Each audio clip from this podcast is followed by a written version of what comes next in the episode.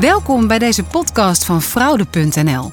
Een informatieplatform over bedrijfsfraude opgericht door de bedrijven Euler Hermes, Lexens en Hofman. Elke aflevering staat er een actueel fraudethema centraal dat onze specialisten verder uitdiepen onder leiding van de host Wouter Kurpershoek. Goeiedag, mijn naam is eh, Wouter Kurpershoek.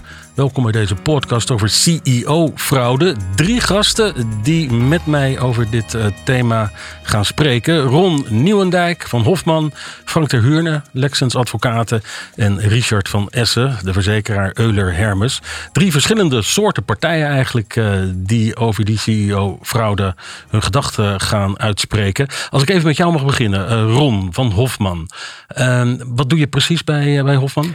Ik uh, werk al 25 jaar bij Hofman. Ik ben zelf fraudeonderzoeker geweest. En wat ik nu doe is dat ik helemaal aan het begin van het traject sta. Dus een organisatie waar een vermoeden is van fraude neemt contact met ons op. En vraagt van ja, kan Hofman ons helpen? En ik doe dan de intakegesprekken. Frank, uh, bij jou ook is het woordje fraude belangrijk. Ja, ik ben uh, arbeidsrechtadvocaat en in het bijzonder gespecialiseerd in het onderzoek naar en het ontslag wegens fraude. Tot slot, Richard. Ja, ik de verzekeraar. klopt. Ik heb de fraudeverzekering in Nederland uh, geïntroduceerd een, uh, een klein half jaar, of een klein jaar geleden. Was dat hard nodig? Uh, Jazeker. Is er overigens, om het toch wel goed en rustig te beginnen, een soort definitie te geven van het begrip CEO-fraude, schuine streep, identiteitsfraude? Is daar een soort grootste gemene deler? Nou, CEO-fraude is natuurlijk een uh, aantal jaar geleden nieuws geweest, uh, onder andere met de Pathé-fraude. Uh, kijk, kijk, kenmerk is natuurlijk dat iemand zich voordoet als een bestuurder van een bedrijf en daardoor mensen weet op te lichten. En ja, zo is die term CEO-fraude eigenlijk uh, bekend geworden. Maar inderdaad, er zijn natuurlijk allerlei vormen van identiteitsfraude. maar het is niet altijd de CEO die dat dan doet. Kan, kan ook een CFO zijn. Ja, ja, sommigen noemen het ook een fake president uh, fraud. Dus er zijn verschillende. Uh, Wat bedoel namen. je, een fake president? Nou, uh, zo, zo, um, het is eigenlijk een naam voor een bestuurder. Dus iemand doet zich voor als een bestuurder. Kan een president van een bedrijf, land, noem maar op zijn. Oh, CEO, CFO. Ja, wij noemen het meestal CEO-fraude. Hm. Maar wij komen ook situaties tegen dat, uh, dat, eigenlijk, ja. ja. dat eigenlijk partijen zich uh, uh, op commercieel vlak voordoen. En andere partijen bewegen om snel goederen te leveren. Ja. En, en dan ja, is er geen sprake van een CFO, maar wel van identiteitsfraude. En worden er op grote schaal goederen geleverd die dan ja, op een adres terechtkomen wat niet het juiste adres is. Maar eigenlijk is misschien wel de grootste gemene delen. Je wordt enorm in de maling genomen en opgelicht. En je denkt met iemand te spreken. En het liefst ook een baas. En die is het gewoon niet. Dat klopt, ja. Is het iets wat aan het toenemen is? Nou, we zien in ieder geval uh, uh, ja, behoorlijke fraudes in het nieuws. Bijvoorbeeld twee weken geleden in het uh, Midden-Oosten... waarbij een uh, bank is opgelicht voor meer dan 30 miljoen. Waarbij criminelen zich voordeden als een CEO. En die hebben met, met een nep... Met, tenminste met een computerprogramma een, een stem nagedaan van een CEO. En, en ja, 30 miljoen weten te verkrijgen. Die hebben gewoon het compleet gefaked. Ja, ja, ja. En de verwachting is, tenminste, uh, met, de, met de nieuwe technologie, waarbij je stemmen na kan doen, waarbij je mensen één op één na kan doen. Uh, denk aan, uh, aan een Tom Cruise op TikTok. Daar wordt dus een bekend, bekend filmpje. Tom Cruise wordt nagedaan op TikTok, zit niet op TikTok, maar ja, het lijkt één op één op, op Tom Cruise. Maar Ron, dat is toch een enorme wereld van verschil tussen die e-mails met twintig spelfouten. Ja. Waar je onmiddellijk uh, lachend uh, de hele afdeling naar liet kijken. Ja. En zei, kijk nou wat we weer krijgen. Google Translate, dat was geweldig, ja. ja. Nee, dit, dit is echt georganiseerd. Dat zijn uh, mensen die echt een heel script schrijven. ook allerlei mensen voor inzetten om vertrouwen te wekken. Het ziet er echt heel goed uit. Het, het, ontdekken tussen nep en echt wordt steeds lastiger. En dit is recent. Het is niet dat dit al jaren aan de gang is. Dit is echt iets van de afgelopen twee, drie jaar misschien. Nou, dit, dit speelt al een aantal jaren. Maar je ziet dat het zich doorontwikkelt. Hè. Kijk, op een gegeven moment hebben mensen natuurlijk door als ze mailtjes krijgen waarvan ze zeggen, nou, dit valt op. Ja, dan wordt het voor de uh, criminelen ook lastiger. Ja, en die gaan natuurlijk nadenken van wat gaan we nu weer verzinnen. Nou ja, dan krijg je dus nu situaties zoals uh, stemmen uh, nadoen en dat soort zaken meer. En dat schijnt dan weer te werken. En zo ontwikkelt zich dat door. Het is haast psychologie. Dat je op de een of andere manier niet gewoon zegt dat kan niet. Of dat, dat je dus accepteert als medewerker van nou ja, hij ziet eruit als, dus het zal wel kloppen. Ik maak twee ton over.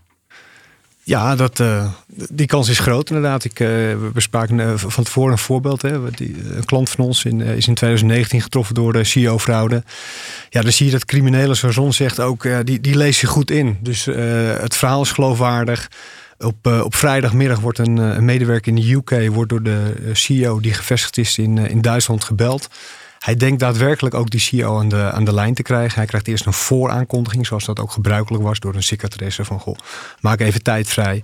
Het is uh, iets na vieren, dus er zit, uh, ja, wordt ingespeeld op tijdsdruk, want de CEO vertelt Ehm, eh, en, en, ja, met Engels met een Duits accent van... ja, ik, ik had een leverancier moeten betalen in Hongarije... maar dat ben ik helemaal vergeten. En zou jij dat willen doen? Want bij ons zijn de banken dicht. Bij jou eh, zijn de banken als goed is nog open. Maak het even over. Je krijgt een e-mailtje van mij ter bevestiging. Dan ben jij gedekt, mochten er vragen komen. En maandag maak ik het geld weer terug naar je over. Dus je ziet een enorme goede voorbereiding. Stemmen die er worden nagedaan. Er wordt goed ingespeeld op tijdsdruk. Ja, dan is het als medewerker lastig om daar niet in te tuimen. Hoor je overigens rond na afloop, als het dus eh, verkeerd is gegaan, wel vaak dat mensen zeggen: ja, ik vond er wel iets vreemds aan, of zijn ze er echt helemaal ingetuind? Ehm, achteraf ga je natuurlijk een aantal dingen herkennen, ook omdat je erop gewezen wordt. Maar door de haast en, uh, en de spoed, maar ook het belangrijk maken van mensen, gaan mensen daar soms helemaal in mee. En uh, ja, achteraf sla je jezelf voor je hoofd en zeg je: ik had beter op moeten letten. Maar goed, soms is het ook wel zo goed nagemaakt dat je het eigenlijk mensen bijna niet meer kan verwijten. Nee, maar ik kan me niet voorstellen dat jij ooit een, een casus hebt meegemaakt waarbij je ook achteraf moest concluderen: dit hadden we nooit kunnen voorkomen. Nee, dat klopt. Maar dan heb je het over het feit dat je in het proces een aantal dingen beter kan doen. Maar uh, op het moment dat je de mensen spreekt die daarbij het slachtoffer zijn, ja, dan, dan heb je echt mensen die echt pijn in hun buik hebben van het feit dat ze erin getrapt zijn. En zeggen, goh, dat, dat het mij overkomen is. Ik, had, ik vond het echt zo goed gedaan. Ik heb het echt niet gezien. Het zijn een soort scriptschrijvers aan de voorkant. Het is een heel scenario schrijven. Klopt, klopt. En er wordt bijna altijd, wat Richard zegt, druk opgezet. Dus het moet haast, het spoed. En dat gaat niet alleen om geld, maar dat gaat bijvoorbeeld ook om goederen. Dat je zegt op vrijdagmiddag uh, dat je een mooie orde krijgt. Dat er maandagochtend een mooie partij computers of telefoons afgeleverd moeten worden. Haast en spoed. Nou ja, dan ga je, dan ga je daarin mee. Zijn het altijd internationaal opererende bedrijven die slachtoffer worden? Nee, maar je ziet, het, je ziet het wel. Ik denk dat in de meeste zaken waarin wij betrokken zijn, heeft het wel een internationale context. Uh, ook omdat dat meer uh, ruimte biedt, denk ik, voor verwarring. Of uh, dat, dat, er, dat de regels minder strikt worden nageleefd. Uh, maar dat hoeft natuurlijk niet. Nee, maar je ziet natuurlijk ook, hè, als het gaat over identiteitsfraude. Ik heb zelf ook wel eens een onderzoek gehad waarbij een Nederlands verkoopkantoor te maken had met het hoofdkantoor uit Italië. Ja, daar zit afstand tussen. Dus ja, als jij op een gegeven moment een Italiaanse man aan de lijn krijgt die een beetje Engels spreekt en die zegt dat hij de baas is en je hebt die ziet die weinig of hoort die weinig. Ja, dan trap je er snel nou, in, hè? En je ziet ook, althans, ik heb al eens een onderzoek gelezen... dat men ook wel uh, inspeelt op, laat ik zeggen... meer uh, culturele, culturele intelligentie. Omdat in bepaalde landen het ehm, minder gebruikelijk is... om bijvoorbeeld kritische vragen te stellen... als je wordt gebeld door een CEO. Ja. Dat zou een, misschien een gemiddelde Nederlander sneller doen... dan bijvoorbeeld een Duitser. Klopt. En daar wordt echt wel daar wordt op ingespeeld. Ja. Is het voor uh, de verzekeraars ook niet een beetje lastig om dit te verzekeren? Want nou, ja, soms is het echt heel erg stom geweest en hup, gaat het dan niet door de verzekering. Is het niet een soort risicoportefeuille? Nou, absoluut. Zit, zit is altijd bij een verzekeraar. Altijd, altijd. Nee, je kan nog zoveel brandblussers hebben, maar uh, ja, je kan brand in die zin uh, nooit helemaal uitsluiten. En dat geldt hier ook. Wij doen, wij, doen, wij, wij checken op pre preventiemaatregelen. Hè. Dus heeft een bedrijf goede procedures? is er een vier ogen of een zes ogen principe? Hebben ze een goede update van systemen zodat criminelen niet in, in de organisatie kunnen? Maar desondanks zien we, het, zien we het nog steeds gebeuren, ook bij bedrijven die het perfect op orde hebben. Dus uh, ja, helaas of gelukkig voor ons ook. Want je wil natuurlijk ook schades hebben om te kunnen verzekeren. Maar ik begrijp dat je dan, voordat ik een verzekering kan afsluiten, dat ik als potentiële verzekerde moet laten zien dat ik een aantal criteria voldoe. Ja. Nou, stel dat ik die verzekering heb afgesloten, vervolgens word ik geconfronteerd met fraude. Ja. In welke situatie, en misschien een beetje een lastige vraag, besluiten jullie dan alsnog van ja, maar dit, dit is, dit is zo'n gebrekkige preventie. dit gaan we niet vergoeden. Dat is inderdaad een lastige vraag. Dat is echt, uh, dat, moet je per situatie uh, bekijken. Dat geval wat ik net noemde, dat voorbeeld. Ja. Daar hadden wij uh, in ieder geval de, die e-mailbevestiging vanuit de NEPSIO of uit Duitsland. je ziet de, de oproepinformatie van de, van de telefoon. Zie je een medewerker die weer pijn in zijn buik heeft maandagochtend, want die komt erachter dat het geld niet terug is gestort. En die vraagt zich wanhopig af: hoe, hoe zit het verhaal in elkaar? Nou, in zo'n geval of in dit geval moet ik, moet ik heel juridisch eh, zeggen, uh, gaan wij tot schadeuitkering over. Maar uiteraard, het is, het is, het is zaak dat een bedrijf uh, zijn procedures goed op orde heeft inderdaad. Dat maar, maar, maar, Richard, wat, wat wij nu zien is dat in de huidige tijd met corona men afwijkt van procedures. Hè. Mensen zijn thuis gaan werken. We zien het overigens wel weer veranderen. Hè. Mensen komen toch weer langzaam naar kantoor. Maar waar wij bedrijven ook echt wel voor waarschuwen is, is om te kijken van joh uh, kijk eens even of de procedures die je veranderd hebt in het kader van de corona, of je die nog moet volhouden. Want misschien moet je die gewoon wel weer terugdraaien en terug naar het oude. En dat vergeet men vaak.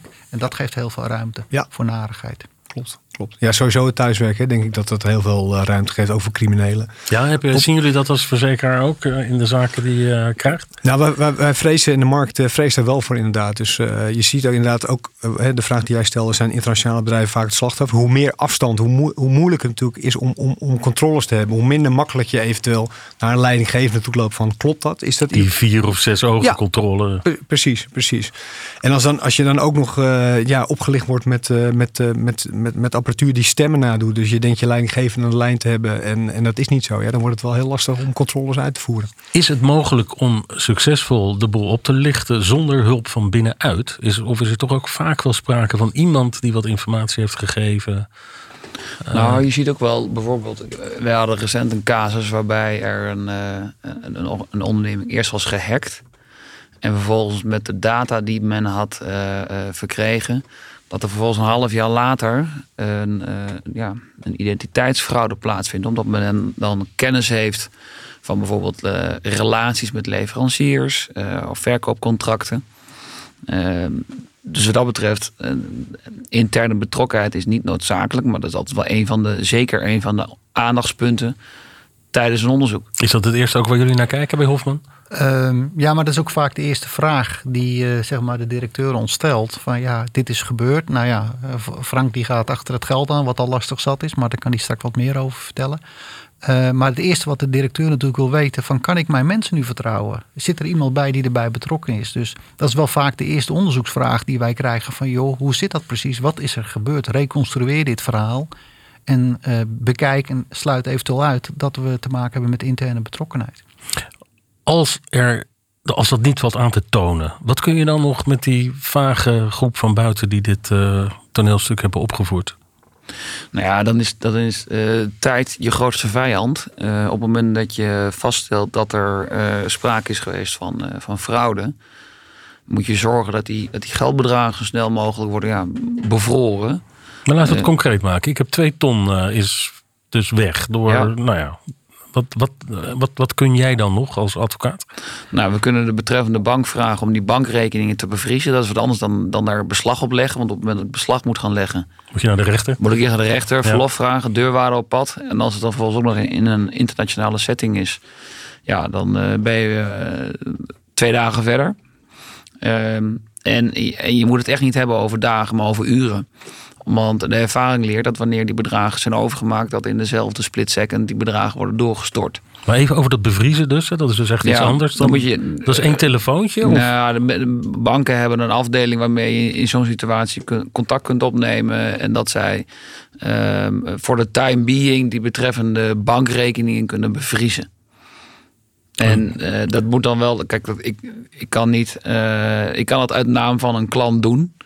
Maar dan moet uit, die bank zal uiteraard wel controleren uh, dat de betreffende rekeninghouder daarvan op de hoogte is. Wat zegt het, uh, wat is jullie ervaring uh, als je naar het Openbaar Ministerie kijkt? De politie, die zeggen vaak van ja jongens, succes ermee. We doen nog wel mhm. een beetje onderzoek, maar dat gaan we toch niet nou, we zien wel, het wordt steeds meer uh, internationaal opgepakt. Hè. Er is bij de Nederlandse politie ook echt een afdeling die ermee bezig is. Volgens mij hebben ze uh, afgelopen week ook nogal een internationale uh, Ja, die hebben ze gepakt. Hè? Ja. ja. Maar dan, dan, dan moet er ook echt sprake zijn van internationale samenwerking. En dat is heel tijdrovend. Wat je wel ziet is dat men toch graag wil dat er aangifte wordt gedaan. Dat moet je ook altijd doen, Ja. want dan maak je het zichtbaar. Uh, maar uh, ja, de illusie dat je zegt van nou de politie gaat te paard en die gaat nu heel snel achter alle dingen aan.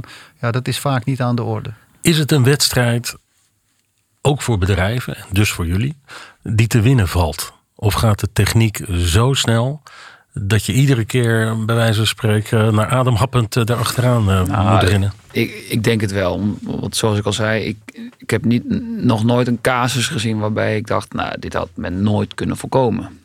Uh, maar het vereist wel heel veel tijd en investering om, uh, ja, om je organisatie wat dat betreft uh, gesloten te houden. onmogelijk is het niet. Maar je, je, je, hebt bij bedrijven, maar goed, dat weten jullie beter dan ik. Maar ik begrijp dat er bedrijven zijn waar ongeveer de doodstraf staat op het klikken op een link van ja, buiten. Ja. En dan ben je echt wel de sjaak. Dus dat zit zo voor in het hoofd van al die medewerkers. Je zou toch ook hetzelfde kunnen afspreken uh, als het gaat om het overmaken van geld. Dat je zegt van jongens, dat gaan we nooit, never, ever meer doen. Zonder dat we er bij wijze van spreken een hele vergadering over gehad hebben. Of is dat naïef? Nou, ik denk niet dat het naïef is, maar uh, zo gauw je, zolang je met mensen werkt, blijft dit gewoon mogelijk. Uh, mensen zijn kwetsbaar en uh, er zijn altijd uitzonderingen, hè? Ja. want daar gaat het natuurlijk om. Het normale proces is over het algemeen wel redelijk geborgd. Maar echt de uitzondering, daar maakt men vaak gebruik van. En je moet je natuurlijk voorstellen, die criminelen die schieten met hagel. Hè? Dus die schieten op misschien wel, wel honderd of duizend bedrijven die ze dat gaan doen. Ja, en 90% die heeft dat door. Die denkt, ik, ik trap er niet in. En vervolgens zien ze dat 10% daar wel actief in is. Ja, en daar gaan ze zich op focussen. Dus ik denk dat je het, uh, het nooit kan voorkomen. Wat is jullie oproep nu concreet? Vanuit de drie partijen die jullie, die jullie vertegenwoordigen. Zeg maar de rechercheachtige, onderzoek, verzekeraar, advocatuur. Is het awareness, opletten? Absoluut. Achterdochtig zijn in het bedrijf? Absoluut het bewustzijn van vergro- uh, omtrent dit soort gevallen vergroten. Preventiemaatregelen moet je zeker doen. Sluit ook zeker een uh, verzekering af, zeg ik als verzekeraar. En uh, zorg dat je ook iemand uh, hebt die, als je niet verzekerd bent, die achter het geld heeft dan nog aan kan. Of, Maar nog even over die verzekering. Het is dus een misverstand om te denken dat het eigenlijk nauwelijks te verzekeren valt. Of dat het heel extreem duur is. Of... Nou, um, in, in, kijk, wat je wel ziet bijvoorbeeld is dat onze collega's of de concurrenten terughoudender zijn dan, dan wij bijvoorbeeld in, in Europa. dus je ziet inderdaad dat bepaalde verzekeraars wel vrezen voor, voor de, ja, CEO-fraude of identiteitsfraude. Ja. Ja, Rom. ja wat, je, wat je ziet is natuurlijk dat we heel erg digitaal zijn ingesteld. Dus uh, we reageren altijd heel snel door middel van een WhatsAppje of een, uh, of een uh, sms'je of een mailtje. En ik denk dat, dat je mensen ook moet bewegen als ze echt zeggen van... hé, hey, dit ziet er toch gek uit. Ja, pak de telefoon en ga gewoon echt bellen met de betreffende persoon die je nodig hebt. En niet het mailtje beantwoorden omdat je denkt dat je dan met de CEO aan het mailen bent. Maar dan ben je met criminelen aan het mailen. Dus ga gewoon ook fysiek bellen naar het bedrijf en zeg je, klopt dat? Heb jij mij dit Wat gevraagd? er nu gebeurd is. Ja. Tot slot, uh, Ron, ik ben ook wel geïnteresseerd in die toekomst natuurlijk. Ja, wat, wat zijn de volgende ontwikkelingen? We hebben nu dus al uh, bij wijze van spreken dat iemand perfect nagemaakt qua gezicht en stem iemand anders kan nadoen. Ja, en ik denk Wat zijn dat, de volgende stappen? Nou, ik denk men, dat men daar zich verder in gaat professionaliseren. Dus ik denk dat we dat steeds meer gaan zien. Uh, cybercriminaliteit, dat gaat echt stijgen. Dus dit is een, eigenlijk een niet te stoppen weg die we zijn ingeslagen. Nep en echt wordt steeds lastiger te onderscheiden, denk ik. Dus uh, het, is, het, wordt uh, uitdagend. Goed. We zijn aan het einde gekomen van deze podcast. U heeft geluisterd naar uh, zeg maar drie experts op het gebied van CEO, schuine streep, identiteitsfraude. Het is iets wat niet meer weg te denken valt. Wat ik er in ieder geval van opgestoken heb, is dat je vooral wantrouwig moet zijn. Niet te goed gelovig. Check, check, check. En dan heb je in ieder geval een kans dat het jou niet overkomt. Bedankt voor het luisteren. Heeft u vragen, wilt u meer informatie of wilt u contact met ons opnemen? Ga naar fraude.nl of stuur een e-mail naar info@fraude.nl.